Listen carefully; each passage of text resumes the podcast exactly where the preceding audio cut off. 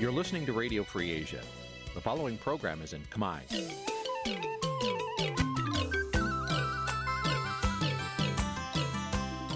Nǐ ជាកម្មវិធីផ្សាយ Vuthu Azizi Serai នេះជាកម្មវិធីផ្សាយរបស់ Vuthu Azizi Serai ជាភាសាខ្មែរ Vuthu Azizi Serai សូមស្វាគមន៍លោកអ្នកនាងទាំងអស់ពីរដ្ឋធានី Washington នៃសហរដ្ឋអាមេរិក បាទពីរដ្ឋធានី Washington ខ្ញុំបាទជាចំណានសូមជម្រាបសួរលោកអ្នកនាងអ្នកស្ដាប់ Vuthu Azizi Serai ទាំងអស់ជាទីមេត្រីយើងខ្ញុំសូមជូនការផ្សាយសម្រាប់ព្រឹកថ្ងៃសៅរ៍3កើតខែមករាឆ្នាំខាលចត្វាស័កពុទ្ធសករាជ2566ដែលត្រូវនៅថ្ងៃទី26ខែវិច្ឆិកាគ្រិស្តសករាជ2022បាទជាដំបូងនេះសូមអញ្ជើញលោកអ្នកនាងស្ដាប់ព័ត៌មានប្រចាំថ្ងៃដែលមានមេត្តាដូចតទៅ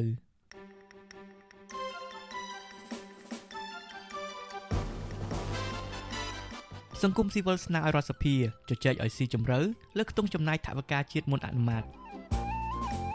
សាជីវកម្មហិរញ្ញវត្ថុអន្តរជាតិពិនិត្យបណ្ដឹងប្រឆាំងស្ថាប័នផ្ដល់ប្រាក់កម្ចីកម្ពុជាដែលរំលោភសិទ្ធិពលរដ្ឋសកម្មជនបដិឋានថាបទល្មើសជួញដូរស្វាព្រៃទ្រង់ទ្រាយធំនៅក្រៅប្រទេសជាប់ពាក់ព័ន្ធនឹងមន្ត្រីកម្ពុជាអញ្ញាធរមិនហៅតំណាងក្រុមហ៊ុនដែលបើកសាឡង់ដឹកខ្សាច់បុកស្ពានបាឡេយកមកទទួលខុសត្រូវនោះទេរួមនឹងព័ត៌មានមួយចំនួនទៀត។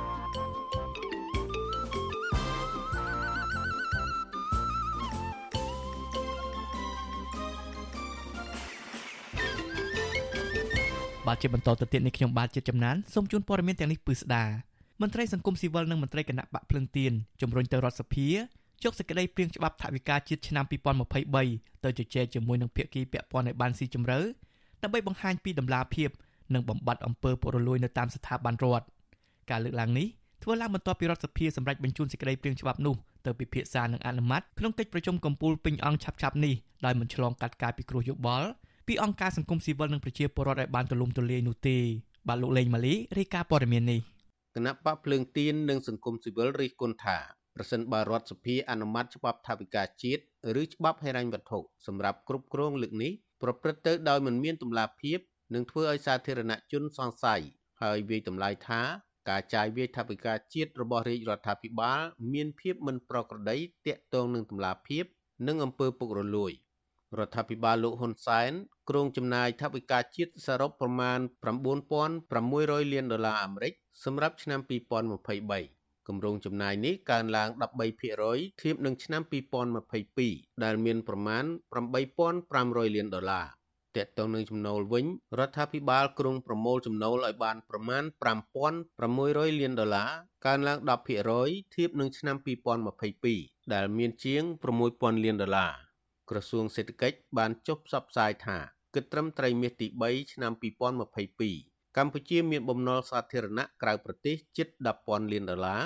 ក្នុងនោះជិតពាក់កណ្ដាលជាបំណុលរបស់ប្រទេសចិនអនុប្រធានគណៈបកភ្លឹងទៀននិងជាអតីតអនុប្រធានគណៈកម្មការជំនាញរដ្ឋសភា លោកសុនឆៃលើកឡើងថារដ្ឋសភាគឺជាស្ថាប័ននីតិបញ្ញត្តិដែលដើរតួនាទីសំខាន់បង្កើតច្បាប់មួយដែលឆ្លុះបញ្ចាំងសេចក្តីត្រូវការពិតប្រាកដ សម្រាប់កសាងប្រទេសសេដ្ឋកិច្ចសង្គមនិងជីវភាពរបស់ប្រជាពលរដ្ឋជាដើមប៉ុន្តែលោកមើលឃើញថា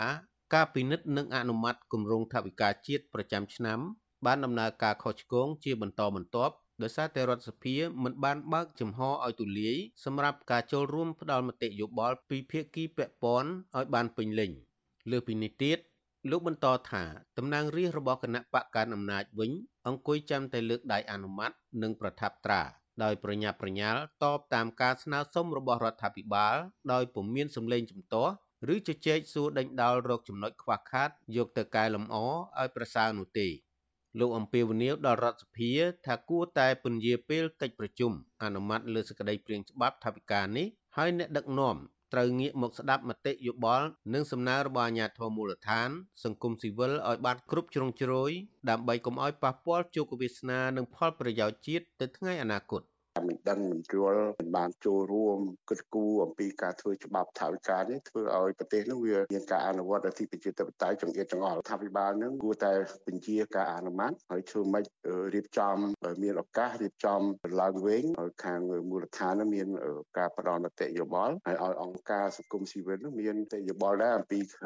កត្តាចាំបាច់នៅក្នុងសង្គមដែលរដ្ឋាភិបាលត្រូវចំណាយពង្រីកខ្ទង់ចំណាយដើម្បីផលប្រយោជន៍សង្គមឲ្យជាដើមបាទ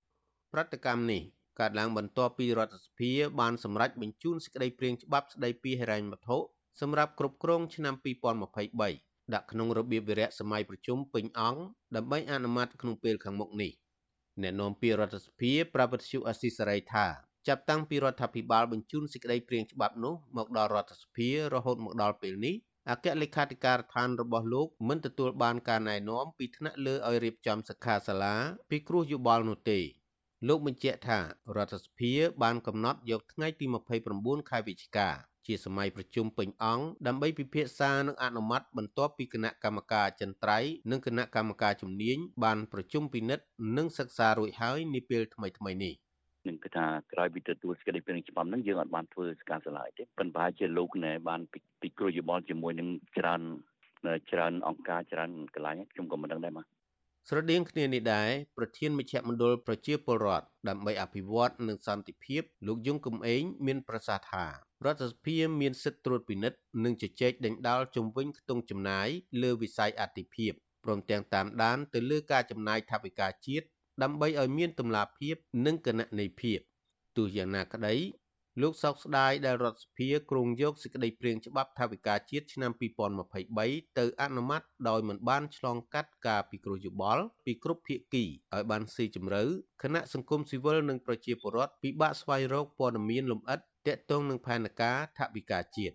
សភាតំណាងឲ្យប្រជាពលរដ្ឋដូច្នេះសភាគួរតែមានការជែកពិគ្រោះយោបល់អីមួយចំនួនជាមួយនៅប្រជាពលរដ្ឋមុននឹងខ្លួនធ្វើការសម្រេចចិត្តដើម្បីឲ្យសភានឹង កាន់តែមានភាពកក់ក្ដៅថែមទៀតនៅក្នុងការសម្រេចចិត្តទៅលើថវិកាជាតិនឹងតែយើងមានការសោកស្ដាយដែរដែលរដ្ឋសភាលោកមិនបានធ្វើដូច្នោះហើយលោកគាត់តែទទួលសេចក្តីព្រាងច្បាប់នោះទៅហើយយកទៅអនុម័តតែម្ដងបាទក្រុមអង្គការសង្គមស៊ីវិលសង្កេតឃើញថារដ្ឋាភិបាលនិងរដ្ឋសភាតែងតែអនុម័តច្បាប់ថាវិការជាតិដោយប្រញាប់និងមិនមានការចូលរួមបញ្ចេញមតិឲ្យយោបល់ពីសំណាក់សង្គមស៊ីវិលឬគណៈបកប្រឆាំងឡើយ លើពីនេះរដ្ឋសភានិងព្រឹទ្ធសភាឯកបកតែងតែបន្តអនុម័តដោយមិនមានកែប្រែសំបីតែមួយតួអក្សរសង្គមស៊ីវិលនិយាយថាការប្រើប្រាស់ថវិកាជាតិនៅរយៈពេលជាច្រើនអាណត្តិមកនេះត្រូវបានសង្គមស៊ីវិលជាតិនិងអន្តរជាតិរកឃើញថាមានតម្លាភាពតិចតួចបំផុតលើពីនេះក្រុមអ្នកខ្លំមើលរឹតតែព្រួយបារម្ភថែមទៀតដោយសារតែដំណើរការរៀបចំនិងការអនុម័តច្បាប់ថវិកាជាតិប៉ុន្មានឆ្នាំចុងក្រោយនេះ មានការចូលរួមមតិយោបល់តិចតួចពីក្រុមអង្គការសង្គមស៊ីវិលហើយធ្ងន់ធ្ងរជាងនេះទៀតគឺគ្មានវត្តមានតំណាងរាស្ត្រគណៈបកប្រឆាំងដើម្បីជជែកដេញដោលខ្ញុំបាទលេងម៉ាលីវិទ្យុអស៊ីសេរីពីរដ្ឋធានី Washington បាទលោកនាងជាទីមេត្រីមេធាវីដែលមិនដាច់ឆ្នះក្តីពេលការពីក្តីឲ្យអ្នកនយោបាយនិងសកម្មជនសង្គមលោកជួងជូងីនៅតែប្រកាន់ជំហរការពីយុទ្ធធរសង្គមនិងជួយអ្នករងភាពអយុត្តិធម៌បន្តទៀត បើទោះបីជាលោកសម្រាប់ចូលរួមនយោបាយជាមួយគណៈបកភ្លើងទៀនយ៉ាងណាក្តីលោករំពឹងថាការធ្វើនយោបាយរបស់លោកនឹងជាឱកាសឲ្យលោកបានចូលរួមកែលម្អវិស័យយុទ្ធធរឲ្យបានទូលំទូលាយជាងអាជីពជាមេធាវីបាទលោកអ្នកនាងនឹងបានស្ដាប់ព័ត៌មានលម្អិតអំពីរឿងនេះនៅពេលបន្តិចទៀតនេះ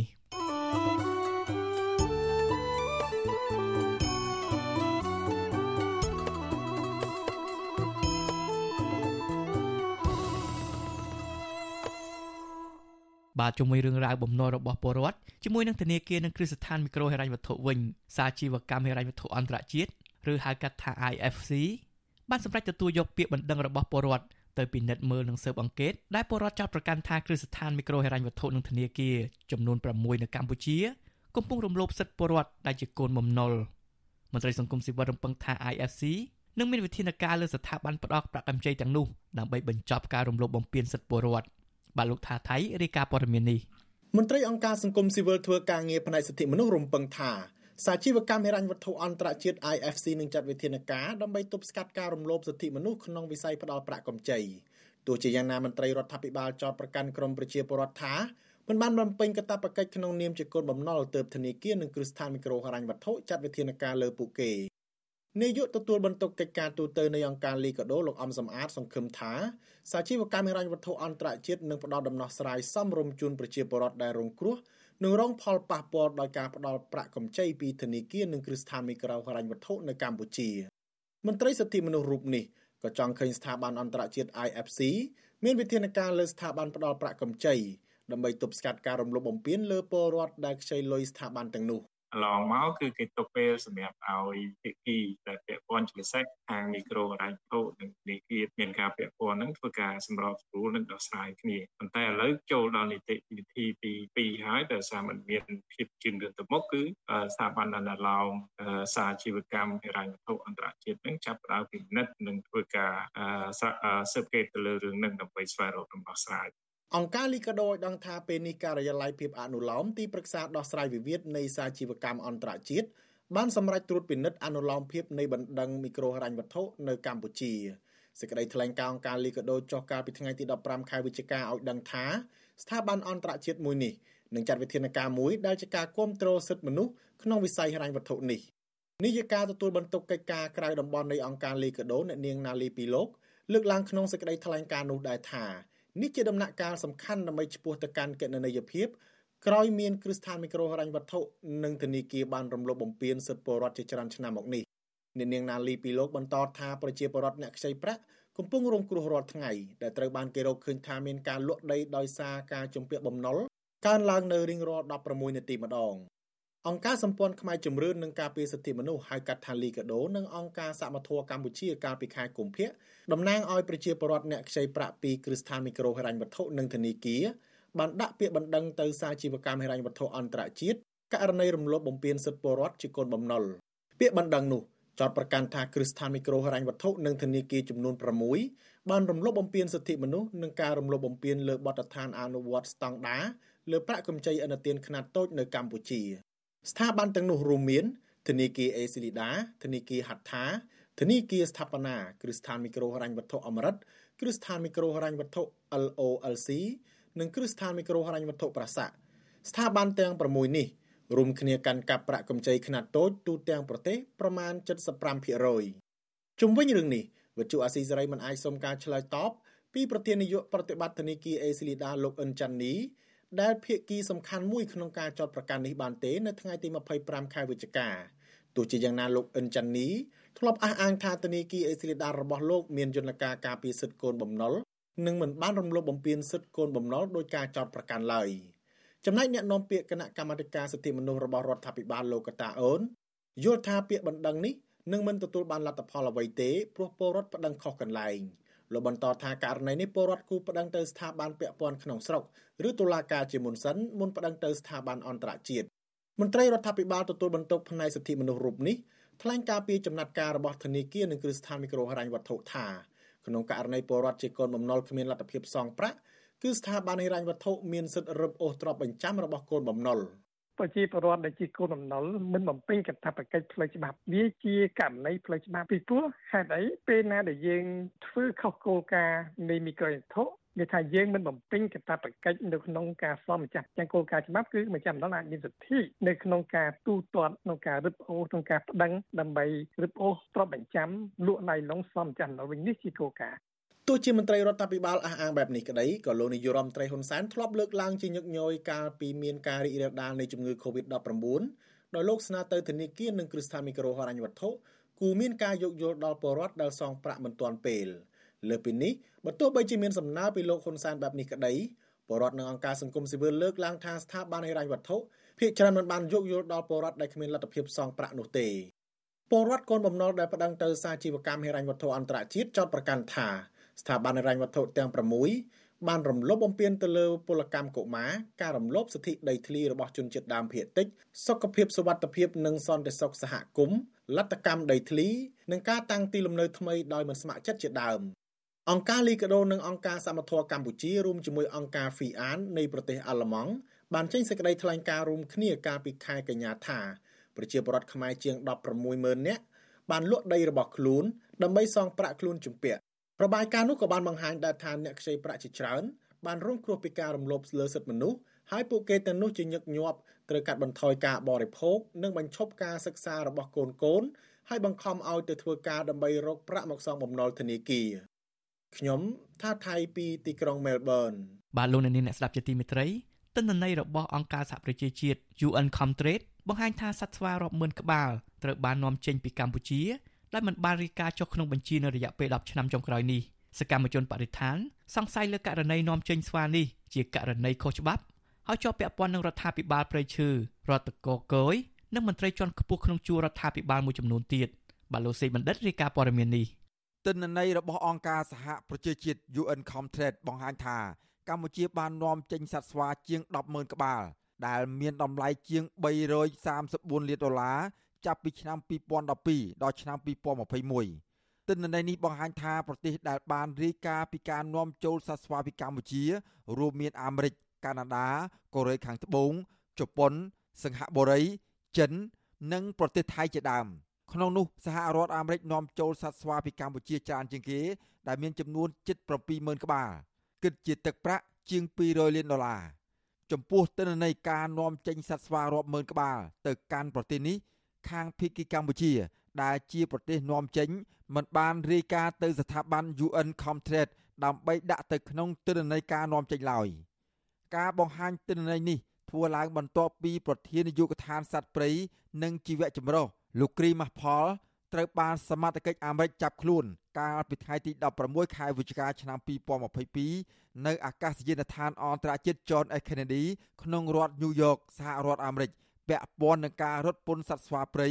ឬស្វាក្តាមខុសច្បាប់ក្នុងនោះអគ្គនាយកដ្ឋានរដ្ឋបាលព្រៃឈើនៃក្រសួងកសិកម្មលោកកៅអូម៉ាលីសនិងបុគ្គលិក6នាក់របស់ក្រុមហ៊ុនឈ្មោះ Wani Bio Research ក៏ត្រូវបានអាជ្ញាធរអាមេរិកដាក់ការសង្ស័យដោយរកឃើញថាមានជាប់ពាក់ព័ន្ធនឹងករណីនេះដែរតែកតិននឹងរឿងនេះអ្នកនាំពាក្យក្រសួងកសិកម្មកញ្ញាអឹមរចនាប្រាប់បទសុអាស៊ីសេរី ដោយស្រង់សម្ដីរបស់រដ្ឋមន្ត្រីក្រសួងកសិកម្មលោកដិតទីណា លើបណ្ដាញ Twitter ថា ក្នុងរយៈពេល3ឆ្នាំចុងក្រោយនេះកម្ពុជាបាននាំចេញសត្វស្វាចំនួនជិត70000ក្បាលហើយការនាំចេញនេះក្រសួងបានអនុវត្តតាមគោលការណ៍ស្របតាមអនុសញ្ញា ស្ដីពីការហាម5ការធ្វើពាណិជ្ជកម្មអន្តរជាតិលើប្រភេទសត្វនិងរុក្ខជាតិព្រៃដែលប្រឈមនឹងការជិតផុតពូជហៅថាសាយតេសកញ្ញាបញ្ជាក់ថា ដោយគោរពតាមអនុសញ្ញាសាយតេសសូម្បីតែសត្វស្វាវត្តភ្នំក៏មិនត្រូវបាននាំចេញដែរហើយមានតែកូនស្វាចំនួនក្រោយ ដែលចិញ្ចឹមនៅកសិដ្ឋានប៉ុណ្ណោះដែលអាចនាំចេញ និងសម្រាប់គោលដៅស្រាវជ្រាវផ្នែកវិទ្យាសាស្ត្រតែប៉ុណ្ណោះទោះជាយ៉ាងនេះក្តី សកម្មជនបរិស្ថានយល់ឃើញថាទិន្នន័យរបស់ក្រសួងកសិកម្មគ្មានតម្លាភាព និងគ្មានភាពច្បាស់លាស់ឡើយពួកគេយល់ឃើញថា នៅក្នុងទិន្នន័យ ដែលរដ្ឋមន្ត្រីក្រសួងកសិកម្មលោកដិតទីណាលើកឡើងនោះมันបានបញ្ជាក់ពីប្រទេសដែលទទួលទិញចំនួនទឹកប្រាក់និងពន្ធបងចូលរដ្ឋដែលបានមកពីការនាំចេញនោះឡើយចំណែកឯការនាំចេញនោះទៀតសោតក៏ធ្វើឡើងដោយស្ងៀមស្ងាត់ដោយមិនបានដាក់ក្នុងបញ្ជី UN Comtrade យ៉ាងដូចនេះនឹងនាំឲ្យមហាជនសង្ស័យថា ជាការលួចនាំចេញដោយកិច្ចពន្ធផ្ទុយពីការលើកឡើងរបស់ក្រសួងបរិស្ថានកម្ពុជាក្រសួងយុទ្ធភ័ពអាមេរិកវិញ បានបង្ហាញភស្តុតាងដាក់បន្ទុកចំនួន31រួមមានប្រតិបត្តិការហិរញ្ញវត្ថុនិងការដឹកជញ្ជូនសត្វស្វារាប់រយក្បាលក្រោមឯកសារក្លែងបន្លំទៅកាន់រដ្ឋ Florida និងរដ្ឋ Texas នៃសហរដ្ឋអាមេរិកទៅកាន់ក្រុមហ៊ុនស្រាវជ្រាវផ្នែកជីវសាស្ត្រឯកជនមួយឈ្មោះ Wani Bio Research របស់ចិនហុងកុងក្នុងខេត្តពោធិ៍សាត់ប្រទេសកម្ពុជាជុំវិញរឿងនេះស្ថាបនិកចលនាមេដាធម្មជាតិលោកអាលិចសង្ស័យថា ការជួញដូរសត្វស្វានេះពាក់ព័ន្ធនឹងមន្ត្រីក្នុងជួររដ្ឋាភិបាលលោកហ៊ុនសែនដែលតែងតែខុបខិតគ្នារកស៊ីកិច្ចពន្ធខុសច្បាប់ សកម្មជនបរិស្ថានជនជាតិអេស្ប៉ាញរូបនេះបន្តថាមន្ត្រីរបស់លោកហ៊ុនសែនទំនងកំពុងប្រើល្បិចកលក្នុងការជួញដូរសត្វស្វាព្រៃទ្រង់ទ្រាយធំទៅកាន់ក្រៅប្រទេសដោយបន្លំឯកសារថាជាស្វាចិញ្ចឹមទោះយ៉ាងណា លោកបញ្ជាក់ថាបើភេកគីក្រសួងបរិស្ថាន ពិតជាស្អាតស្អំមែន គួរតែរាយការណ៍ពីចំនួនសត្វស្វាដែលនាំចេញទៅកាន់ UN Comtrade និងបង្ហាញភស្តុតាងទៅកាន់ក្រសួងយុទ្ធភ័ពអាមេរិកដើម្បីដោះបន្ទុកប្រសើរជាងការនិយាយតែមាត់យ៉ាងដូចនេះជ ចុះគាត់មានឯកសារទេ មានអីជាអំណះអំណាងទេដល់ថាស្វាហ្នឹងគឺមិនមែនស្វាព្រៃទេគឺស្វាគេចិញ្ចឹមមានទេឬក៏មានត្រឹមពាក្យសម្ដីតាម Twitter ហ្នឹងវាអត់គ្រប់គ្រាន់ណាហើយអ្វីដែលយើងមានហ្នឹងដែលជាឯកសារផ្លូវការយើងមានឯកសាររបស់អង្គការសហប្រជាជាតិដែលថាកម្ពុជាមិនបានរាយការណ៍ថានាំចេញស្វា17000ក្បាលដោយលោកដិតទីណាអាងទេគ្មានហ្មងណាសត្វស្វាក្តាមគឺជាប្រភេទសត្វព្រៃដែលជិតផុតពូជមួយនៅលើពិភពលោក ដែលត្រូវបានការពារដោយអនុសញ្ញាស្តីពីការហាម5ការធ្វើពាណិជ្ជកម្មអន្តរជាតិលើប្រភេទសត្វនិងរុក្ខជាតិព្រៃដែលប្រឈមនឹងការជិតផុតពូជដែលហៅកាត់ថា CITES និងបានការពារដោយច្បាប់របស់សហរដ្ឋអាមេរិកទន្ទឹមគ្នានេះប្រជាពលរដ្ឋបារម្ភថាសត្វស្វាទាំងនេះត្រូវបានគេនាំយកទៅលក់តាមភោជនីយដ្ឋាន ដើម្បីចោះយកខួរមកបរិភោគក្រៅពីករណីរត់ពន្ធសត្វស្វាព្រៃឬសត្វស្វាក្តាមខុសច្បាប់នេះរដ្ឋាភិបាលកម្ពុជា បានរងការចោទប្រកាន់ពីបទល្មើសជួញដូរខុសច្បាប់ជាច្រើនករណីទៀតមានដូចជាការនាំចេញខ្សាច់មាសនិងឈើហូបជាដើមខ្ញុំបាទសេកបណ្ឌិតវិទ្យុអាស៊ីសេរីពីរដ្ឋធានីវ៉ាស៊ីនតោនបាទលោកនាងជាទីមេត្រីករណីក្រុមហ៊ុនដឹកសាច់បុកស្ពានបាឡេនៅឯខណ្ឌរិស័យកែវរហូតដល់ខូចខាតនិងផ្អាកការធ្វើដំណើររបស់ពលរដ្ឋជាបណ្ដោះអាសន្ននោះពេលនេះនៅមិនទាន់មានដំណោះស្រាយនៅឡើយទេសមត្ថកិច្ចបានត្រឹមតែឃាត់ខ្លួនកម្មករ3នាក់តែប៉ុណ្ណោះ ពលរដ្ឋលើកឡើងថាការឃាត់ខ្លួនកម្មករដឹកសាច់នេះមិនបង្ហាញពីការទទួលខុសត្រូវរបស់អាជ្ញាធរឲ្យបានត្រឹមត្រូវនិងមានដំណាភាពនោះឡើយបាទលូទីនសាការីយ៉ារាយការណ៍ព័ត៌មាននេះសកម្មភាពបងខ្សាច់នៅតាមដងទន្លេក្នុងរាជធានីភ្នំពេញកំពុងតែបង្កនៅក្តីបារម្ភដល់ប្រជាពលរដ្ឋរស់នៅក្បែរនោះជាបន្តបន្ទាប់ការបូមខ្សាច់នេះបណ្ដាលឲ្យបាក់ច្រាំងនិងបង្កគ្រោះថ្នាក់ដល់សម្បត្តិសាធារណៈដូចជាស្ពានជាដើមកាលពីថ្ងៃទី20វិច្ឆិកាមានកម្មករ3នាក់បានបើកសាឡុងទៅបុកស្ពានបាឡេ ដែលស្ថិតនៅខណ្ឌរសីកែវបណ្ដាលឲ្យសសរស្ពានមួយត្រេតហើយបច្ចុប្បន្នសមត្ថកិច្ចបានបិទស្ពាននោះជាបណ្ដោះអាសន្នដោយមិនអនុញ្ញាតឲ្យប្រជាពលរដ្ឋធ្វើចរាចរណ៍បានដោយធម្មតានោះឡើយហើយមកទល់ពេលនេះនៅមិនទាន់ឃើញតំណាងក្រុមហ៊ុនណាមួយមកទទួលខុសត្រូវនៅឡើយទេនាយកប្រតិបត្តិអង្គការដំឡាភិបកម្ពុជាលោកពេជ្រពិសីប្រាប់វិទ្យុអាស៊ីសេរីកាលពីថ្ងៃទី24វិច្ឆិកាថាករណីនេះអាជ្ញាធរពាក់ព័ន្ធគួរតែស្វះស្វែងរកហេតុផល ឲ្យបានច្បាស់លាស់ថាតើការបើកសាឡុងដឹកសាច់នេះពិតជាអនុវត្តទៅតាមគោលការណ៍ត្រឹមត្រូវដែរឬយ៉ាងណាលោកមើលឃើញថាបើសិនជាអាជ្ញាធរមិនរកមុខក្រុមហ៊ុនមកទទួលខុសត្រូវទេនោះបញ្ហានេះអាចនឹងបន្តកើតមានជាបន្តបន្ទាប់ដែលធ្វើឲ្យប៉ះពាល់ដល់សម្បត្តិសាធារណៈក៏ប៉ុន្តែក្រុមហ៊ុនបាទដឹកខ្សាច់ក្រុមហ៊ុនបូមខ្សាច់ដែលទទួលអាជ្ញាប័ណ្ណនៅក្នុងការដឹកហ្នឹងក៏ចូលរួមចំណែកនៅក្នុងការទទួលខុសត្រូវហើយបើអាចស្វែងរក មូលហេតុពិតប្រាកដនៃការបុកស្ពាននឹងដែរបាទពីព្រោះនៅក្នុងក្របខ័ណ្ឌនៃការទទួលបានសិទ្ធិឬក៏អាជ្ញាប័ណ្ណនៃការបូមខ្សាច់ឬក៏ដឹកខ្សាច់តាមដងទន្លេហ្នឹងគេមានកំណត់ច្បាស់អំពីគោលការណ៍នៃហានិភ័យហើយនឹងការធានាថាការដឹកហ្នឹងមិនលើសកម្រិតធានាថាការបូមខ្សាច់ឬក៏ដឹកខ្សាច់ហ្នឹងធ្វើឡើងស្របទៅនឹងគោលការណ៍ សវត្ថភាពជាក់លាក់ចំណែកសកម្មជនបរិស្ថាននៃចលនាមេដាធម្មជាតិលោកលីចន្ទរាវុធមើលឃើញថាសកម្មភាពបូមខ្សាច់នៅតាមតំបន់ទន្លេកើតមានជាហូរហែស្របពេលដែលសកម្មភាពដឹកខ្សាច់និងការបូមខ្សាច់កើតមានយ៉ាងអនាធបត័យលោកស្នើឲ្យអាជ្ញាធរពាក់ព័ន្ធទាំងអស់គួរតែពិចារណាឡើងវិញមុនផ្ដល់អាជ្ញាប័ណ្ណបូមខ្សាច់ទៅដល់ក្រុមហ៊ុនណាមួយត្រូវពិនិត្យរាល់ការគោរពច្បាប់ឲ្យបានត្រឹមត្រូវលោកបន្តថាបើសិនជាអាជ្ញាធរមិនខ្វល់ខ្វាយទេនោះ សកម្មភាពបូមខ្សាច់ធ្វើឲ្យប៉ះពាល់ដល់បរិស្ថានកាន់តែខ្លាំងដោយសារតែការបូមខ្សាច់បែបអនាធបត័យដូចបច្ចុប្បន្ននេះវិស័យហ្នឹងគឺទាមទារឲ្យមានតម្លាភាពនៅពេលដែលផ្ដល់អាជ្ញាប័ណ្ណឲ្យក្រុមហ៊ុនមួយហ្នឹងមានការសិក្សាពីហេតុប៉ះពាល់បរិស្ថានឬទេមានការផ្សព្វផ្សាយជាសាធារណៈឬទេមានការចូលរួមផ្ដល់យោបល់ពីប្រជាជនឬទេហើយព័ត៌មានមួយចំនួនពាក់ព័ន្ធនឹងហេតុប៉ះពាល់បរិស្ថានហ្នឹងគួរតែបានដាក់បង្ហាញឲ្យប្រជាជនទូទៅអាចយកមកមើលបានអញ្ចឹងណាហើយទី2 ទៀមទីឲ្យក្រសួងនឹងចុះត្រួតពិនិត្យឲ្យបានទៀងទាត់អំពីរឿងអាជ្ញាប័ណ្ណហ្នឹងព្រោះមានក្រុមហ៊ុនមួយចំនួនអាចឆ្លៀតបូមខុសពីទីតាំងរបស់ខ្លួនហើយ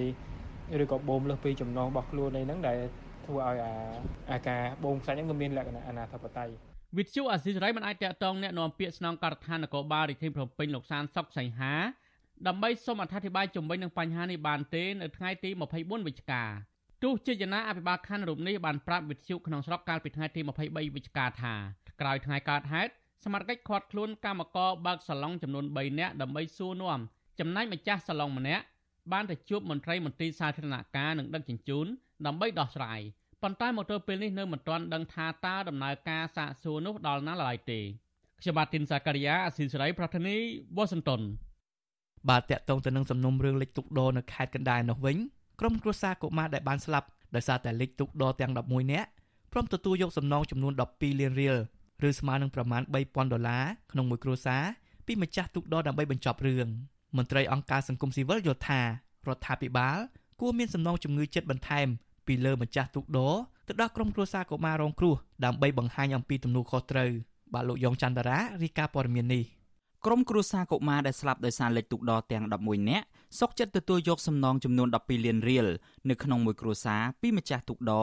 ដើម្បីបញ្ចប់រឿងក្រៅប្រព័ន្ធតុលាការក៏ប៉ុន្តែអ្នកច្បាប់និងមន្ត្រីសិទ្ធិមនុស្សយល់ថាពួកគាត់នៅតែមានសិទ្ធិប្តឹងទាមទារសំណងបន្ថែមទៀតពីរដ្ឋាភិបាលចំពោះសោកនាដកម្មដ៏សោកសង្រេងមួយនេះឪពុកកុមារសុវត្ថិសុវណ្ណលក្ខណាគឺលោកបុតសុវត្ថិប្រាប់វិទ្យុអាស៊ីសេរីថាក្រុមគ្រួសារកុមារទាំង11នាក់ បានព្រមព្រៀងទទួលយកសំណងជំងឺចិត្តពីម្ចាស់ទូកដកាលពីដើមខែវិច្ឆិកា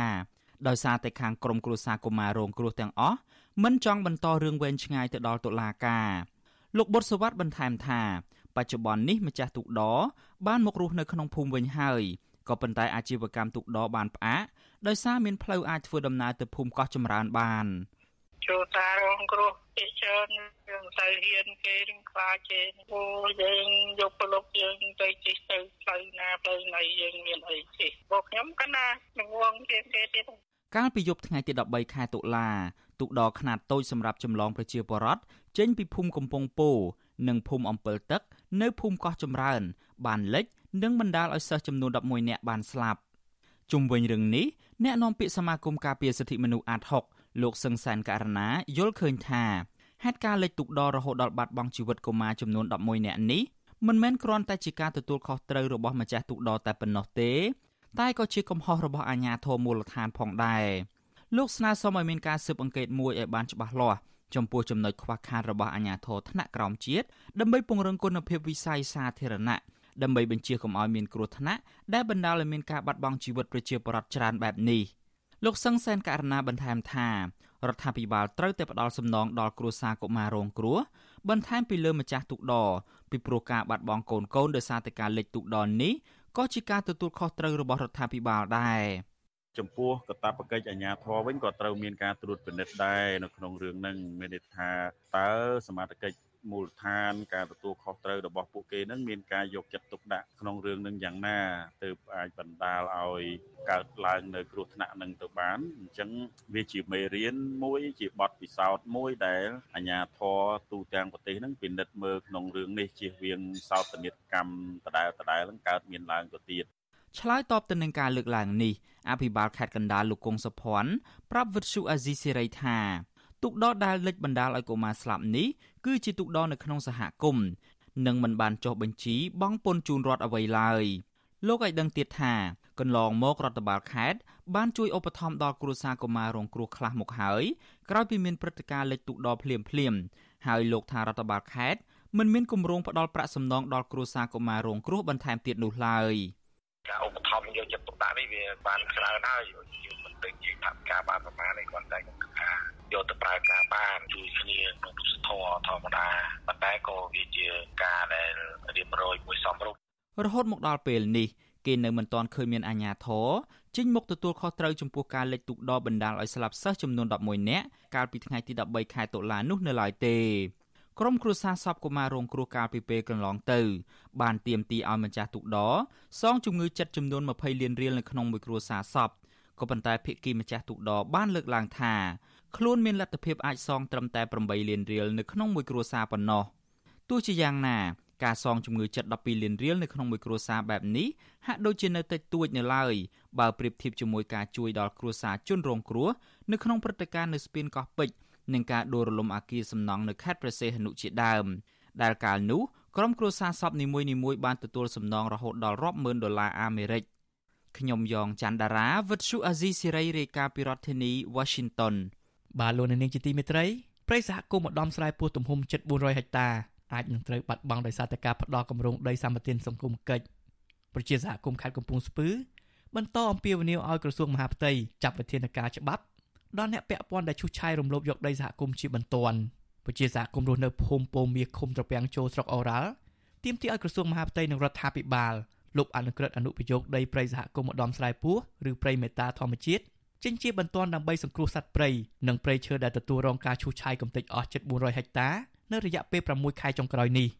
សំណើនេះក្រោយពីក្រសួងមហាផ្ទៃបានស្នើទៅអភិបាលខេត្តកំពង់ស្ពឺលោកវីសំណាងឲ្យចាត់ចែងដោះស្រាយបញ្ហាដីធ្លីដែលក្រុមអតីតបញ្ជាការដ្ឋានរថក្រោះកងទ័ពជើងគោកនិងបកពួកទៅឈូសឆាយបំផ្លិចបំផ្លាញទុនធានធម្មជាតិក្នុងតំបន់ព្រៃឧត្តមស្រែពោះព្រៃសហគមន៍ឧត្តមស្រែពោះឬហៅថាព្រៃមេតាធម្មជាតិគឺជាផ្នែកមួយនៃដែនជម្រកសត្វព្រៃភ្នំអូរ៉ាល់ ហើយត្រូវបានចុះបញ្ជីទទួលស្គាល់ជាព្រៃអភិរក្សពីក្រសួងបរិស្ថាន កាលពីឆ្នាំ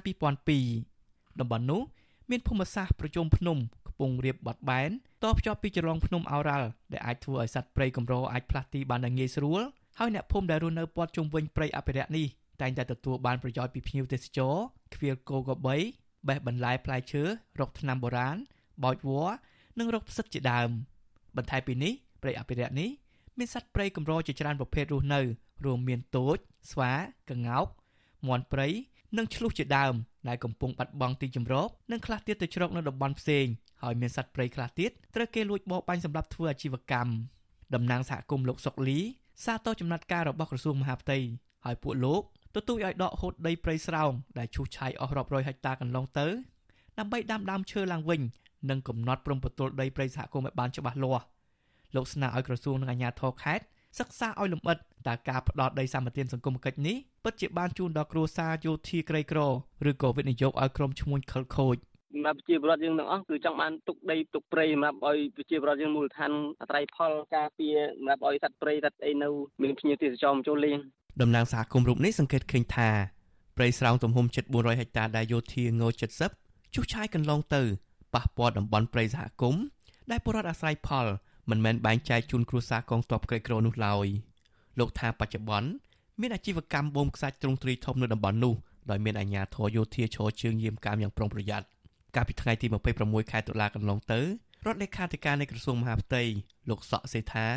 បានផ្ញើលិខិតជូនអភិបាលខេត្តកំពង់ស្ពឺលោកវីសំណាងឲ្យជួយទប់ស្កាត់ការបំផ្លាញទុនធានធម្មជាតិក្នុងព្រៃសហគមន៍ម្ដំស្រែពោះពីសំណាក់អតីតបញ្ជាការដ្ឋានរថក្រោះកងទ័ពជើងគោកនិងបពពួក ស្ថិតនៅក្នុងភូមិចំនួន3នៃឃុំត្រពាំងជោស្រុកអូរ៉ាល់ក្រសួងស្នើឲ្យអភិបាលខេត្តចុះទៅស្រាវជ្រាវនិងដោះស្រាយបញ្ហានេះដោយផ្អែកតាមច្បាប់និងលិខិតបទដ្ឋាននានារួមឲ្យមានការឆ្លើយតបមកក្រសួងវិញឆ្លើយតបនឹងរឿងនេះអភិបាលខេត្តកំពង់ស្ពឺលោកវីសំណាមានប្រសាសន៍ថាអាជ្ញាធរខេត្តនឹងបង្កើតក្រុមការងារមួយទៀតចុះស្រាវជ្រាវដើម្បីដោះស្រាយរឿងនេះប៉ុន្តែលោកថាកិច្ចការនេះអាជ្ញាធរធ្លាប់ចុះទៅដោះស្រាយរួចហើយលោកថាដំណោះស្រាយកន្លងទៅអាជ្ញាធរ ចង់ឲ្យប្រជាសហគមន៍មានទីកន្លែងអាស្រ័យផលព្រៃឈើពិតប្រាកដដោយមានបង្គោលកំណត់ព្រំប្រទល់ដីច្បាស់លាស់ដើម្បីបញ្ជៀសចំនួននានានៅថ្ងៃខាងមុខលោកបញ្ជាក់ថាបំណងរបស់អាជ្ញាធរ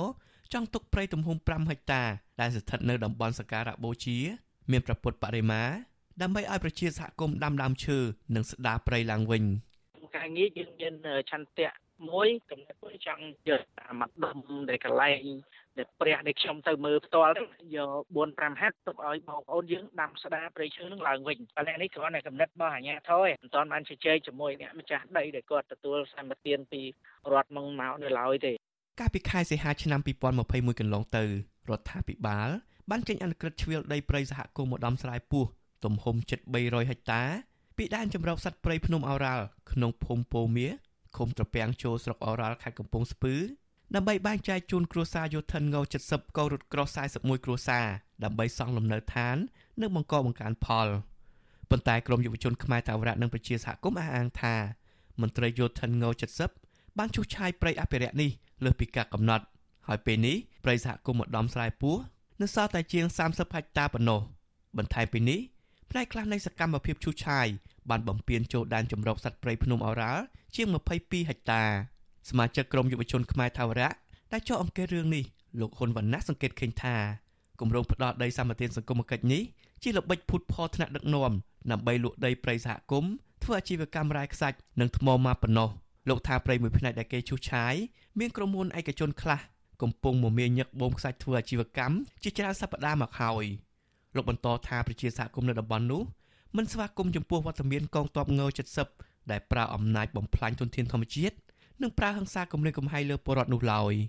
គឺគោលបំណងដែលយើងមើលចោះទៅឃើញហ្នឹងគឺជាការពុះដីលក់ហើយយកធនធានធម្មជាតិដូចជាខ្សាច់ដូចជាអីហ្នឹងយកដើម្បីយកទៅលក់ទេហើយទី2ហ្នឹងគឺទំហំអនុក្រឹត្យដែលគេកំណត់ធ្វើអនុប្រយោគឲ្យហ្នឹងក៏បានខាងកងទ័ពនឹងប្រើប្រាស់គ្រឿងចាក់ឈូសឆាយលើសទំហំដែលគេកំណត់នៅអនុក្រឹត្យ ជុំវិញរឿងនេះសកម្មជនការពារបរិស្ថានលោកម៉ាចត្រាយល់ថាចំណាត់ការរបស់ក្រសួងមហាផ្ទៃយឺតពេលបន្តិចធ្វើឲ្យព្រៃស្រោងដែលជាជំរកសត្វព្រៃរស់នៅនិងជាកន្លែងស្នាក់អាស្រ័យរបស់អ្នករសាសិលបានបាត់បង់យ៉ាងឆាប់រហ័សពិបាកនឹងស្ដារឡើងវិញលោកថាបាតុភិបនេះរដ្ឋាភិបាលនិងក្រសួងមហាផ្ទៃគួរទុកជាមេរៀនកុំមិនដោយឲ្យព្រៃរលាយហិនហោចអស់រួចទៅទៅអន្តរាគមតាមក្រោយ ថ្ងៃក្រោយគួរតែកុំឲ្យមានរឿងបែបហ្នឹងកើតឡើងវាជាល្អប្រសើរហើយបើសិនជារឿងហ្នឹងកើតឡើងហើយត្រូវតែដោះស្រាយបន្ទាន់កុំទុកពេលអូសបន្លាយអញ្ចឹងព្រោះអីបានដីហ្នឹងទៅសហគមន៍វិញក៏ល្អដែរគាត់អាចដាំដើមឈើឡើងវិញអីចឹងណាបាទចំណែកប្រធានអង្គការប្រឆាំងអំពើពុករលួយទប់ស្កាត់ការបំផ្លាញទុនធានធម្មជាតិនិងការពារសិទ្ធិពលរដ្ឋលោកជីហ៊ានថាប្រសិនបើក្រសួងមហាផ្ទៃនិងរដ្ឋាភិបាលមិនចុះដោះស្រាយបញ្ហានេះឲ្យជ្រះស្រឡះនោះទេផលប៉ះពាល់បរិស្ថាននិងជីវភាពពលរដ្ឋកាន់តែរាលដាលធំឡើង ហើយមន្ត្រីយោធាអាជ្ញាធរខលខូចនិងឈ្មួញមានអធិបុលបន្តប្រព្រឹត្តបទល្មើសដដែលដដែលលោកអះអាងថាការកាត់ជ្រៀតដីព្រៃអភិរក្សក្រោមរូបភាពបែងចែកឲ្យគ្រួសារកងទ័ពគឺជាល្បិចទុច្ចរិតដើម្បីរំលាយយកដីព្រៃរបស់រដ្ឋលក់ប៉ុណ្ណោះខណៈដែលទីផ្សារដីនៅទីនោះកំពុងតែត្រូវប៉ាន់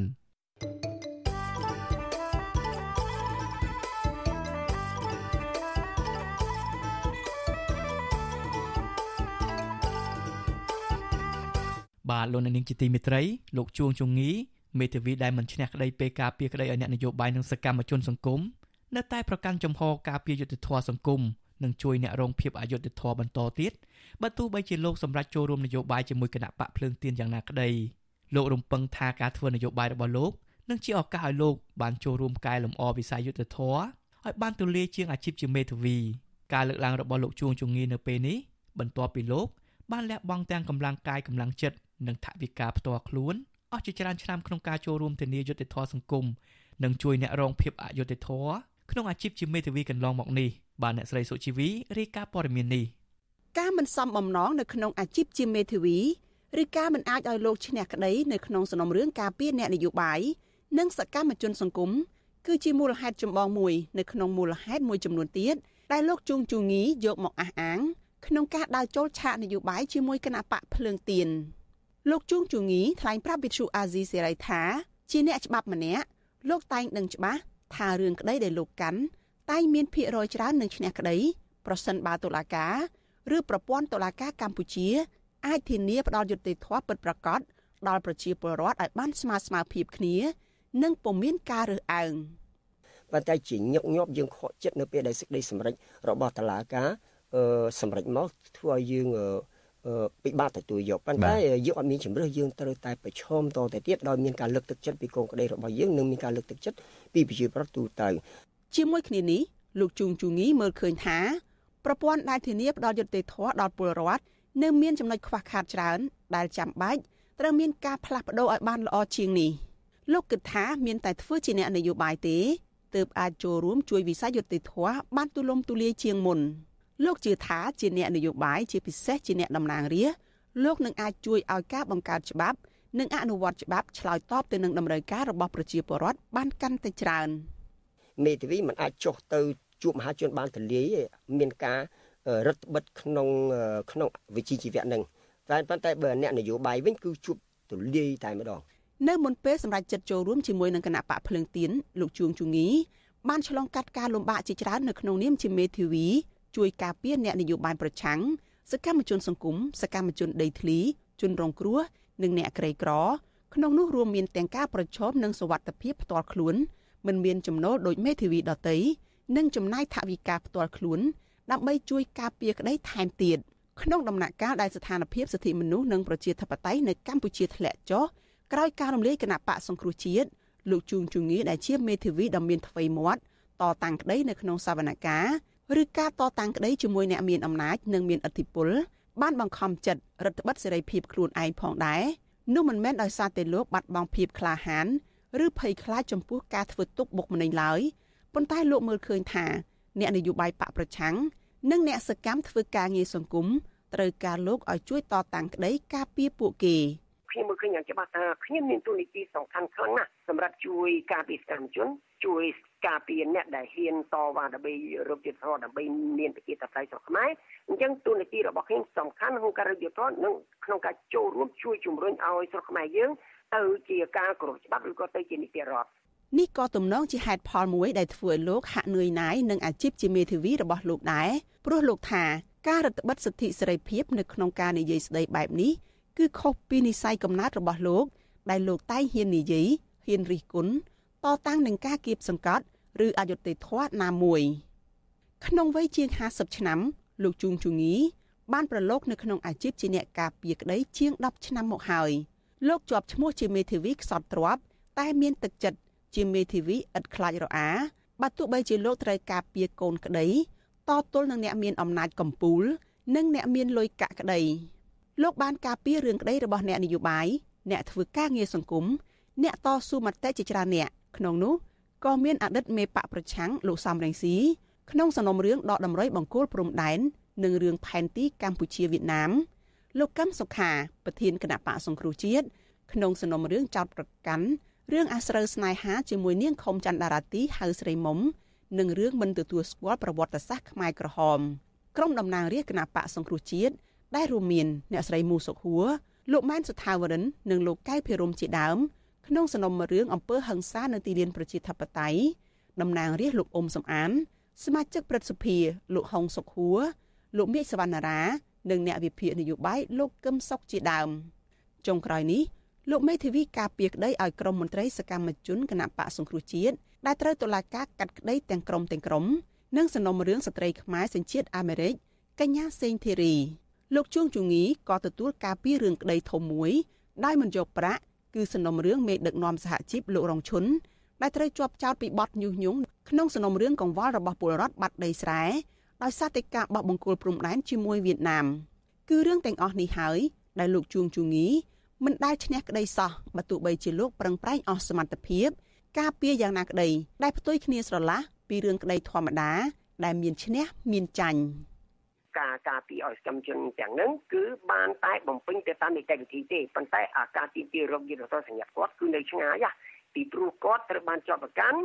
ដោយមន្ត្រីរដ្ឋាភិបាលឬក៏អ្នកមានអំណាចដូច្នេះការទីទីរោគយុទ្ធសាស្ត្រសញ្ញាគោលដីប្រភេទហ្នឹងគឺនៅឆ្ងាយលោកជួងជងីបញ្ជាក់ថាបើទោះបីជាលោកបានសម្រួចគោលដៅអនាគតទៅជាអ្នកនយោបាយក្តីក៏លោកនៅតែបន្តអាជីពជាមេធាវីបន្តទៀតដែរ តែលោកក៏ត្រៀមខ្លួនថាអាចនឹងព្យួរតួនាទីនេះនៅពេលណាមួយ នៅពេលខាងមុខនៅក្នុងករណីចាំបាច់វិទ្យុអាស៊ីសេរីមិនអាចសុំការឆ្លើយតបរឿងនេះពីប្រធានគណៈមេធាវីលោកលីច័ន្ទតុលាបាននៅឡើយទេកាលពីថ្ងៃទី16ខែវិច្ឆិកាបើទោះជាយ៉ាងណាគណៈមេធាវីគឺជាស្ថាប័នដែលមានឥទ្ធិពលអាចលុបឈ្មោះមេធាវី ដាក់ពិន័យនិងទណ្ឌកម្មទៅលើមេធាវីណា ដែលត្រូវចោទប្រកាន់ថាប្រព្រឹត្តខុសនឹងវិជ្ជាជីវៈ សូម្បីតែការបញ្ចេញមតិរបស់មេធាវីគ្រប់រូបផងដែរចំពោះគោលបំណងទៅថ្ងៃមុខលោកមេធាវីជួងជងីប្រាថ្នាចង់ឲ្យមានយន្តការដែលអាចដាក់ទោសចំពោះចៅក្រមនិងបរិយាអាញាឬឲ្យពួកគាត់ទទួលខុសត្រូវ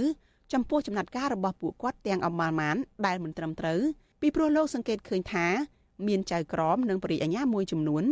មានចំណាត់ការមិនត្រឹមត្រូវប៉ុន្តែពុំឃើញមានការតម្រូវឲ្យពួកគាត់ទទួលខុសត្រូវ បើទោះបីជាមានបណ្ដឹងប្រឆាំងពួកគាត់ទៅដល់ឧត្តមក្រុមប្រឹក្សានៃអង្គចៅក្រមក្តី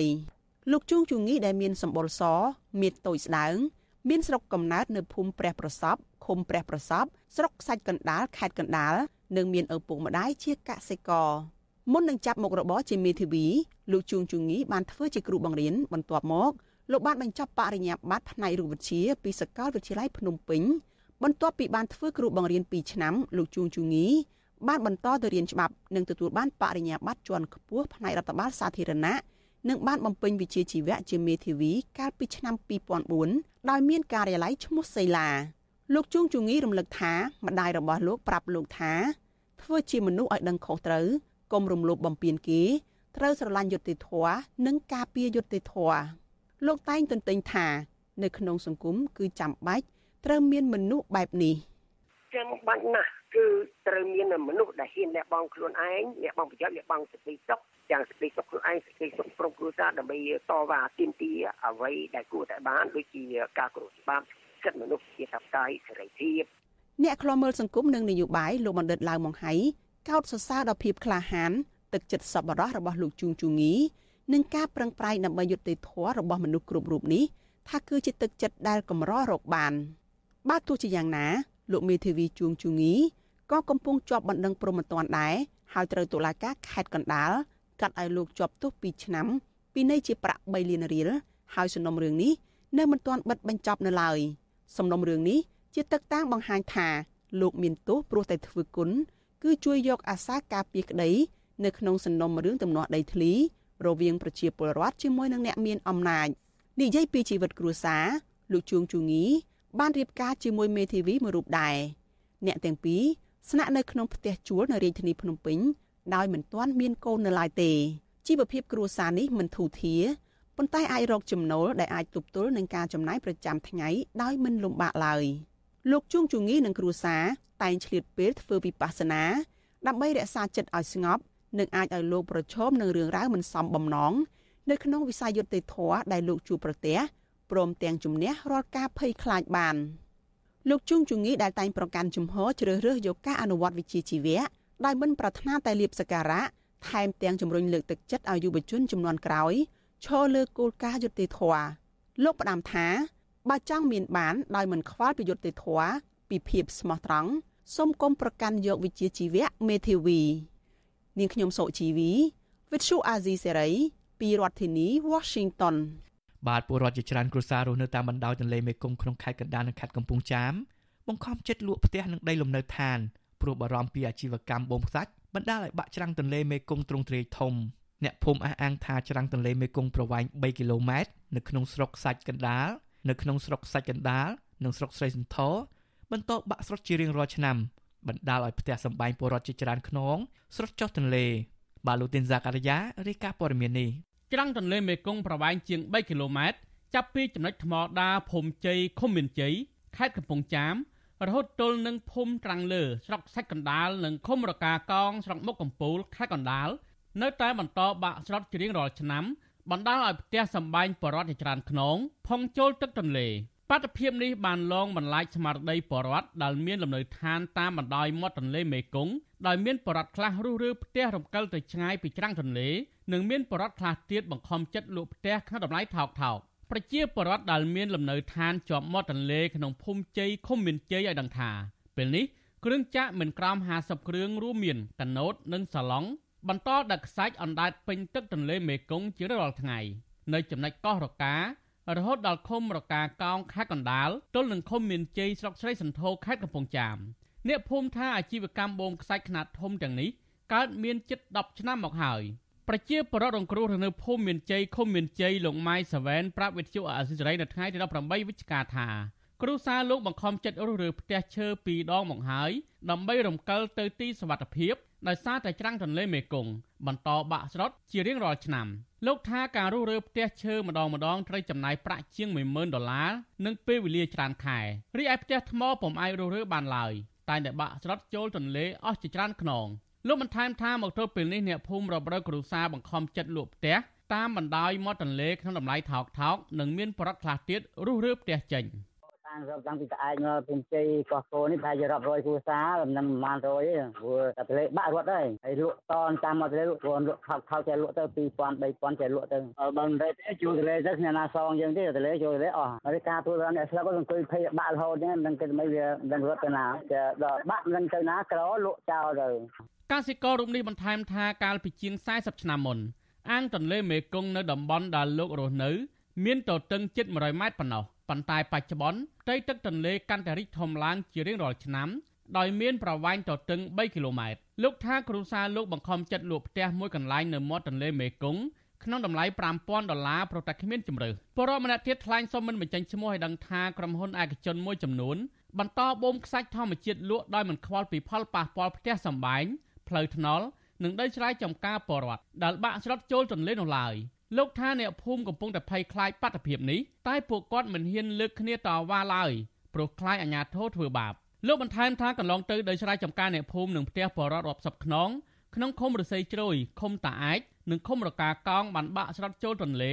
អាជ្ញាធរបានយកអំណោយតិចតួចចែកជូនបរតរងគ្រោះដោយមិនបានជំរុញឲ្យក្រុមហ៊ុនផ្ដាល់សំណងនៅឡើយ បូមយកទៅខ្សាច់ហ្នឹងកណាជាតិទឹកវាហៀពីសឡងចេញមកវិញអញ្ចឹងណាបាទហើយនេសាទលែងមានត្រីនេសាទដល់ហ្នឹងអញ្ចឹងជាបរដ្ឋគាត់ឈប់នេសាទទៅគាត់ត្រូវមុខរបរផ្សេងទៀតក្រៅពីនេសាទត្រីហ្នឹងទៅព្រោះនេសាទត្រីលែងបានហើយអញ្ចឹងណាវិទ្យុអសិរ័យមិនអាចតតងអភិបាលខេត្តកណ្ដាលលោកគង់សុភ័ណ្ឌដើម្បីសំសួរអំពីបញ្ហានេះបានទេកាលពីថ្ងៃទី18វិច្ឆិកាប៉ុន្តែអភិបាលខេត្តរំនេះបានចុះពិនិត្យស្ថានភាពបងខ្សាច់នៅដងទន្លេមេគង្គខេត្តកណ្ដាលដោយអះអាងប្រាប់បរដ្ឋនិងអាជ្ញាធរមូលដ្ឋានថា អាជ្ញាធរខេត្តនឹងធ្វើរបាយការណ៍ពីបញ្ហានេះដាក់ជូនរដ្ឋាភិបាល ដើម្បីស្នើឲ្យពិនិត្យនិងចាត់វិធានការដោះស្រាយមេឃុំមានជ័យលោកដុបប៊ុនហុងលើកឡើងថាការបាក់ច្រាំងទន្លេជាគ្រោះធម្មជាតិដែលតែងតែកើតមានតាំងពីបុរាណកាលមកប៉ុន្តែបរដ្ឋបានទម្លាក់កំហុសរឿងនេះថាមកពីអាជីវកម្មបងខ្សាច់លោកថាបរដ្ឋដែលលក់ផ្ទះតាមបណ្ដោយមាត់ទន្លេដោយសារដីឡើងថ្លៃហើយពួកគាត់ទៅទិញផ្ទះនៅតំបន់ផ្សេងទៀតលោកបន្ថែមថាកន្លងទៅមានក្រុមហ៊ុនឯកជនមួយចំនួន កំពុងស្នើសុំក្រសួងពាក់ព័ន្ធធ្វើច្រាំងទន្លេដើម្បីការពារកុំឲ្យបាក់ច្រាំងនៅក្នុងឃុំរបស់លោកគាត់ហូហើផ្ទះហ្នឹងថាវានៅចិត្តច្រាំងអញ្ចឹងគាត់ហាងឆៃនៅតាមដីមាត់ទន្លេហ្នឹងវាยังមានហាងឆៃនេះផងអញ្ចឹងគាត់បញ្ចេញទៅគាត់ដោះស្រាយយកដីហ្នឹងយកមកយកលុយទៅប្រើប្រាស់ការងារទិញដីទីនៅវិញទៅទិញកន្លែងនេះថាដីភូមិសាងសង់ផ្ទះវិញអញ្ចឹងអញ្ចឹងចំណែកអ្នកនាំពាក្យក្រសួងរាយនឹងធម្មពលលោកអឹងឌីប៉ូឡាថ្លែងនៅក្នុងសុនសឹកខ្សែមួយកាលពីដើមខែសីហាថា មុននឹងផ្ដល់អាជ្ញាប័ណ្ណដល់អាជីវកម្មបងខ្សាច់ក្រសួងបានសិក្សាច្បាស់លាស់ហើយមកទល់ពេលនេះក្រសួងបានចេញអាជ្ញាប័ណ្ណបងខ្សាច់តាមដងទន្លេនិងស្ទឹងសរុបជាង2000ហិកតានៃទំហំផ្ទៃទឹកលោកទទួលស្គាល់ថាការបងខ្សាច់បណ្ដាលឲ្យបាក់ច្រាំងទន្លេប្រសិនបើការទាញយកខ្សាច់មិនគោរពតាមលក្ខខណ្ឌបច្ចេកទេសនិងអាជ្ញាប័ណ្ណដែលក្រសួងបានកំណត់ បាទហើយការដែលយើងចេញនេះគឺយើងត្រួតពិនិត្យច្បាស់លាស់ណាស់ថាមូលហេតុអីបានយើងត្រូវចេញនៅតំបន់ណាមួយមិនត្រឹមតែមើលទៅលើសក្តានុពលរ៉ែទេគឺយើងមើលទៅដល់ការប៉ះពាល់ដល់សង្គមទៅដល់បរិស្ថានហើយជាពិសេសនោះគឺយើងជួយថែមទៀតគឺសម្រួលទៅដល់ផ្លូវនាវាចរមិនត្រឹមតែផ្លូវនាវាចរទេយើងបូមនោះគឺដើម្បីកាត់បន្ថយនៃការបាក់ច្រាំងសកម្មជនការពារបរិស្ថានសង្កេតឃើញថាចំនួនខ្សាច់ដែលបូមចេញពីទន្លេក្នុងចន្លោះពី40ទៅ50%គឺសម្រាប់លុបបឹងធម្មជាតិក្នុងខេត្តកណ្ដាល និងរាជធានីភ្នំពេញក្រមតម្រង់អភិវឌ្ឍទីក្រុងរណបនិងផ្សារទំនើបជាដើមសកម្មជនការពារបរិស្ថានដែលចោះស្រាវជ្រាវរឿងនេះគឺលោកថនរដ្ឋាមើលឃើញថាការទាញយកខ្សាច់ក្នុងអាងទន្លេមេគង្គលើសបរិមាណដែលខ្សាច់ធម្មជាតិកើតឡើងវិញគឺជាមូលដ្ឋាននាំឲ្យបាក់ច្រាំងទន្លេទ្រង់ទ្រាយធំលោកថាអាជីវកម្មបងខ្សាច់ខ្នាតធំទាំងនេះបង្កភាពមិនប្រក្រតីនិងខ្វះតម្លាភាពដែលក្រុមហ៊ុននិងអាជ្ញាធរបាត់បង់ព័ត៌មានពីការនាំចេញខ្សាច់លក់ក្នុងស្រុកនិងក្រៅប្រទេស។ យើងតែងតែស្នើឲ្យក្រសួង បង្ហាញពីតម្លាភាពជុំវិញការបូមខ្សាច់តើខ្សាច់នឹងបូមចំនួនប្រមាណហើយបង្ហាញអំពីការសិក្សាពីផលប៉ះពាល់បរិស្ថាននិងសង្គមជាមុនប៉ុន្តែយើងសោកស្ដាយយើងអាចដែលបានទទួលឯកសារដ៏សំខាន់នេះទេ ហើយច្រាំងទលេនៅតែបាក់សកម្មជនការពារបរិស្ថានរំនេះសង្កេតឃើញថាកន្លងទៅផ្ទះសម្បែងរបស់បរដ្ឋជាច្រើនខ្នងបាក់ស្រុតចូលទន្លេមិនឃើញអាជ្ញាធរនិងក្រុមហ៊ុនទទួលខុសត្រូវដោយផ្ដាល់សំណងសមរម្លើយ គឺឃើញតែផ្ដល់ជំនួយមនុស្សធម៌តិចតួចប៉ុណ្ណោះលោកថាផលប៉ះពាល់ដោយបាតុភូតបាក់ច្រាំងទន្លេនិងការបាត់បង់ចំនួនត្រីក្នុងអាងទន្លេមេគង្គកាន់តែច្រើនថែមទៀតដរាបណាសកម្មភាពទាំងនេះមិនបានដោះស្រាយឲ្យបានជ្រះស្រឡះរីឯប្រជាពលរដ្ឋវិញក៏នៅតែបន្តរងគ្រោះកាន់តែរៀលដាលធំឡើងពីមួយឆ្នាំទៅមួយឆ្នាំហើយអ្នកដែលទទួលបានផលប្រយោជន៍ពីសម្បត្តិធម្មជាតិទាំងនេះគឺក្រុមហ៊ុនឯកជនអាជ្ញាធរខលខូចនិងក្រុមអ្នកមានអំណាចជាដើម។ ខ្ញុំទីនសាការីយ៉ាអស៊ីសេរីប្រធានីវ៉ាស៊ីនតោនបាទនៅខេត្តបាត់ដំបងនិងខេត្តបៃលិនឯណោះវិញកសិករចិញ្ចឹមសត្វគោនៅខេត្តទាំងនេះបារម្ភពីចោរលួចគោរបស់ពួកគាត់ជាបន្តបន្ទាប់ដែលពុំមានអាជ្ញាធរអើពើចាប់ជនល្មើសមកផ្ដន់ទាទោសនោះឡើយមន្ត្រីសង្គមស៊ីវិលយល់ថាអាជ្ញាធរខេត្តគួរតែចាត់វិធានការលើមន្ត្រីសមត្ថកិច្ចមូលដ្ឋានដែលមិនអើពើទប់ស្កាត់ចោរលួចគោក្នុងដែនសមត្ថកិច្ចរបស់ខ្លួនគ្រប់គ្រងបាទលោកសនច័ន្ទរដ្ឋារាយការណ៍ព័ត៌មាននេះ កសិករចិញ្ចឹមគោនៅស្រុកសាឡាក្រៅខេត្តបេលិននិងស្រុកកំរៀងខេត្តបាត់ដំបងសោកស្ដាយដែលបាត់គោអស់ច្រើនក្បាលហើយបារម្ភពីសុវត្ថិភាពសត្វគោចិញ្ចឹមដែលសល់ពីចោលលួចកន្លងមកពួកគេយល់ថាបាត់គោនៅតែបន្តបាត់បែបនេះពួកគាត់នឹងប្រឈមជីវភាពកាន់តែលំបាកខ្លាំងនៅពេលខាងមុខពួកគាត់ថាសកម្មភាពចោលលួចគោកន្លងមកស្មារតីរួមមិនឃើញហើយចាប់បានចោលមកប្រតិទោសម្ដងណាទេកសិករចិញ្ចឹមគោអាយុ72ឆ្នាំរស់នៅពីអ្នកប្តីប្រពន្ធនៅឃុំសាលាក្រៅស្រុកសាលាក្រៅលោកធួននៅ បានប្រាប់វិទ្យុអេស៊ីសរ៉ៃថ្ងៃទី20វិច្ឆិកាថាឡូចិញ្ចឹមគោ10ក្បាលហើយបានបាត់គោ2ក្បាលដោយមួយក្បាលត្រូវបានចោលលួចកាលពីដើមឆ្នាំហើយមួយក្បាលទៀតបានបាត់កាលពីថ្ងៃទី10ខែវិច្ឆិកាលោកបន្តថាការដែលចិញ្ចឹមគោដោយសារលោកនឹងប្រពន្ធកាន់តែចាស់ដើម្បីមានជាទ្រព្យសម្បត្តិសម្រាប់ប្រើប្រាស់នៅពេលចាស់ជរាលោកបន្តថាគោរបស់លោកភេជ្ច្រើនគឺសន្សំដោយចិញ្ចឹមចែកគ្នាជាមួយម្ចាស់ដីដែលលោកចាំចំការឲ្យគេហើយក៏សន្សំរហូតបានគោមួយចំនួន គ្រាន់លោកបានប្រាក់ដោះស្រាយជីវភាពគ្រួសារ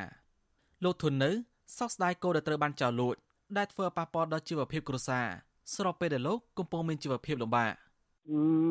លោកឲ្យលោកអាចចាស់ខ្លួនហើយខំចិញ្ចឹមគោតែលោកដល់ចាស់ខ្លួនតិចទៅមានលុយអីធំមានលុយគោនឹងឯងហើយគេចេះជាបាត់ខ្ញុំចាំដឹងគិតលៀបមិនទេក្នុងអារម្មណ៍វាពិបាកនឹងគិតណាកសិករចិញ្ចឹមគោម្នាក់ទៀតនឹងជាប្រជាការពារឃុំកំរៀងលោកជឹមជួន លើកឡើងថាលោកចិញ្ចឹមគោ11ក្បាលហើយប្រវាស់ពីគេមួយចំនួនលោកថាលោកបានបាត់គោចំនួន5ក្បាលក្នុងនោះមានមេគោ4ក្បាលហើយគោឈ្មោល1ក្បាលដោយចោលលុយចេញពីក្រោលកាលពីម៉ោង2ទីភ្លឺកាលពីថ្ងៃទី11ខែវិច្ឆិកាលោកបន្តថានៅកន្លែងកាត់ហេតុចោលបន្សល់ទុននៅដានឡានហើយចំណងខ្សែគោហើយប្រពមួយចំនួនថាឃើញមានឡានកូរ៉េពណ៌សបានដឹកចេញឆ្ពោះទៅស្រុកបវលលោកបានថែមថាតម្លៃគោសពថ្ងៃឲ្យលោកបានប្រមាណ4លានរៀលក្នុងមួយក្បាល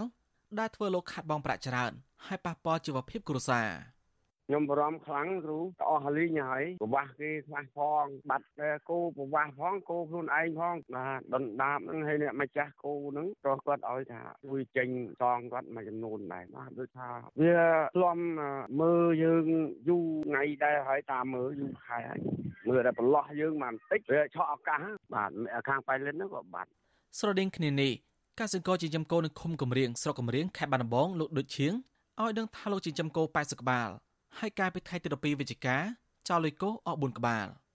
លោកថាលោកបានដាក់ពាក្យប្តឹងទៅសមាជិកឃុំកំរៀងដែរប៉ុន្តែចំថ្ងៃអាទិត្យមិនសូវមានមន្ត្រីប្រចាំការទេលោកអំពីវនីថ្នាក់ដឹកនាំនគរបាលស្រុកនិងខេត្តបាត់ដំបងពង្រឹងមន្ត្រីនគរបាលធ្វើការតាន់ពេលវេលាជូនដល់ប្រជាពលរដ្ឋលោកបារម្ភថាគោដែលនៅសេសសល់ខ្លាចចោលលុយអស់ទៀតប្រសិនបើសមាជិកមិនទាន់ចាប់បានចោលដែលតែលុយគោរបស់ប្រជាពលរដ្ឋ អារម្មណ៍តាក់ទងទៅនឹងមូលដ្ឋានប៉ោះរបស់ខ្ញុំគឺចឹងគេថាគាត់ល្មើសព្រហ្មទណ្ឌហើយគាត់ថ្ងៃអាទិត្យអីគាត់ថាគេគាត់ធ្វើការតែពិតលីយើងអត់មានរើសថ្ងៃតែអាទិត្យអីទេគេអត់ចង់ធ្វើការយើងហើយទី1ទី2តាក់ទងទៅនឹងមូលដ្ឋាននឹងសម្បូរអ្នកប្រើប្រាស់គ្រឿងញៀននិងអ្នកលក់ដូរអញ្ចឹងឆ្លើយតបរឿងនេះអធិការនគរបាលស្រុកកំរៀងលោកវេកំចត់ប្រាវិទ្យាស៊ីសេរីថាលោកកំពុងស្រាវជ្រាវក្រោយពីមានការបំភ្លឺរបស់បរិវត្តដែលឃើញឡានកូរ៉េប៉សមានទ្រង់បិទចិត្តហើយម៉ាស៊ីនឆេះធម្មតាតែបិទភ្លើង លោកបន្តថាបរិវត្តឃើញភិនភាកឡានតែគ្មានស្លាកលេខទេហើយក្រុមសមត្ថកិច្ចក៏បានឆែកកាមេរ៉ាតាមដងផ្លូវប៉ុន្តែមិនមានឡានជន់ល្មើសនោះទេលោកវេកំចត់បញ្ជាក់ថាកន្លងមកបរដ្ឋទិញលក់សត្វគោត្រូវធ្វើលិខិតស្នាមទិញលក់ដោយមានការទទួលស្គាល់ពីប៉ុនគរបាលឃុំប៉ុន្តែមួយរយៈក្រោយនេះបរដ្ឋមិនដែលធ្វើឯកសារទិញលក់គោនៅប៉ុនគរបាលទេ អាមុខសញ្ញាមួយគោហើយនៅស្រុកយើងវាអត់មានអញ្ចឹងបងអញ្ចឹងក៏តតងនៅស្រុកវាជាប់ជាប់នឹងជាស្វិលស្រុកផ្លាក្រៅនេះគាត់តតងទៅវាមុខសញ្ញាវាចេញមកខាងបវលបងជប់ប្រឡប់អាជប់ពេលហ្នឹងឥឡូវកំឡុងអត្រាទៅខ្ញុំឲ្យកម្លាំងតាមប៉ុកគាត់ចេញហ៎បងចេញបាទអញ្ចឹងបងហើយទៅអាឃើញឡានអញ្ចឹងអីយើងកាក់ធ្វើត្រួតពិនិត្យអញ្ចឹងបងបើទោះបីជាមានការលើកឡើងរបស់សមាជិកសុខកម្រៀងតាក់ទងការចលបាតក្រោយមានបលល្មើសចោលលុយគោក៏កសិករចិញ្ចឹមគោយល់ឃើញថាសមាជិកគ្មានយន្តការជាក់លាក់ ក្នុងការបង្ក្រាបចោលលុយគោឲ្យមានប្រសិទ្ធភាពទេជុំវិញរឿងនេះមន្ត្រីសម្របសម្បូរសមាគមការពារសិទ្ធិមនុស្សអាត់ហុកខេត្តបាត់ដំបងលោកយឹមមីលីសង្កេតឃើញថាការបាត់គោនឹងក្របីរបស់បរនមិនមែនជារឿងថ្មីនោះទេហើយម្ចាស់សាតែងតែឃើញក្រុងឆ្អឹងរបស់គោក្របីរបស់ខ្លួននៅតាមវាលស្រែក្រោយពីជលល្មើវាកាត់យកសាច់អស់លោកថាវាជារឿងចម្លែកដែលសាគោក្របីគឺមានទំហំធំជាងគ្រឿងញៀនហើយមានឡានដឹកធំធំប៉ុន្តែជលល្មើនៅតែអាចយកគោបានងាយស្រួល លោកបន្តថាស្ថាប័នពាក់ព័ន្ធគួរមានវិធានការលើសមត្ថកិច្ចមូលដ្ឋានដោយសារកូននៅក្នុងក្រោលហើយចោលនៅតែអាចលួចយកបានដោយគ្មានការទប់ស្កាត់ពីសមត្ថកិច្ចដែលប្រជាពីគោលនយោបាយភូមិឃុំមានសវត្ថភាពខ្ញុំឃើញថាជំនាញខ្លះគាត់សស្រាស្រាមគ្មានថ្ងៃសារអាទិត្យទេសឹងថាចោះចាប់ទាំងយប់ទៀតបើសិនជាផ្នែកសន្តិសុខយើងធ្វើបានដូចជំនាញមួយចំនួនហ្នឹងខ្ញុំគិតថាប្រជាប្រដ្ឋត្រេកអរណានេះបញ្ហារឿងគូកបីប៉ុន្តែនៃដឹកដោយរថយន្តទៅបញ្ហាគ្រឿងញៀនទុយទុយវានឹងបង្កបញ្ហាអីទៀតហើយកន្លងមក ករណីចោលលុយគោក្របីតែធ្វើសកម្មភាពពេលយប់លួចដឹកចេញពីក្រៅខណៈពេលម្ចាស់គោកំពុងតែលក់ហើយអូឡងឡានហើយមួយចំនួនទៀតគឺសម្រាប់គោហើយវេះយកទៅសាច់មានតម្លៃហើយទុកក្បាលនឹងឆ្អឹងចោលករណីបាត់គោនេះតែក៏មានឡើងទូទាំងប្រទេសដោយសារអាញាធិបតេយ្យពាក់ព័ន្ធអនុវត្តច្បាប់ធូររលុងដែលជាឱកាសដ៏ជលមើកសិករនិងមន្ត្រីសង្គមស៊ីវិលទទួលរដ្ឋាភិបាលនិងស្ថាប័នពាក់ព័ន្ធពិសេសអាជ្ញាធរមានសមត្ថកិច្ចគួរពង្រឹងសមត្ថភាពក្នុងការថែរក្សាសន្តិសុខភូមិឃុំ ដើម្បីបរិមាណជំនឿហើយមានក្តីសង្ឃឹមឡើងវិញតាក់ទងការចិញ្ចឹមសត្វនិងសវត្ថិភាពសង្គមខ្ញុំសនចាររថាវិទ្យុអេស៊ីសេរីរាយការណ៍ពីរដ្ឋធានីវ៉ាស៊ីនតោន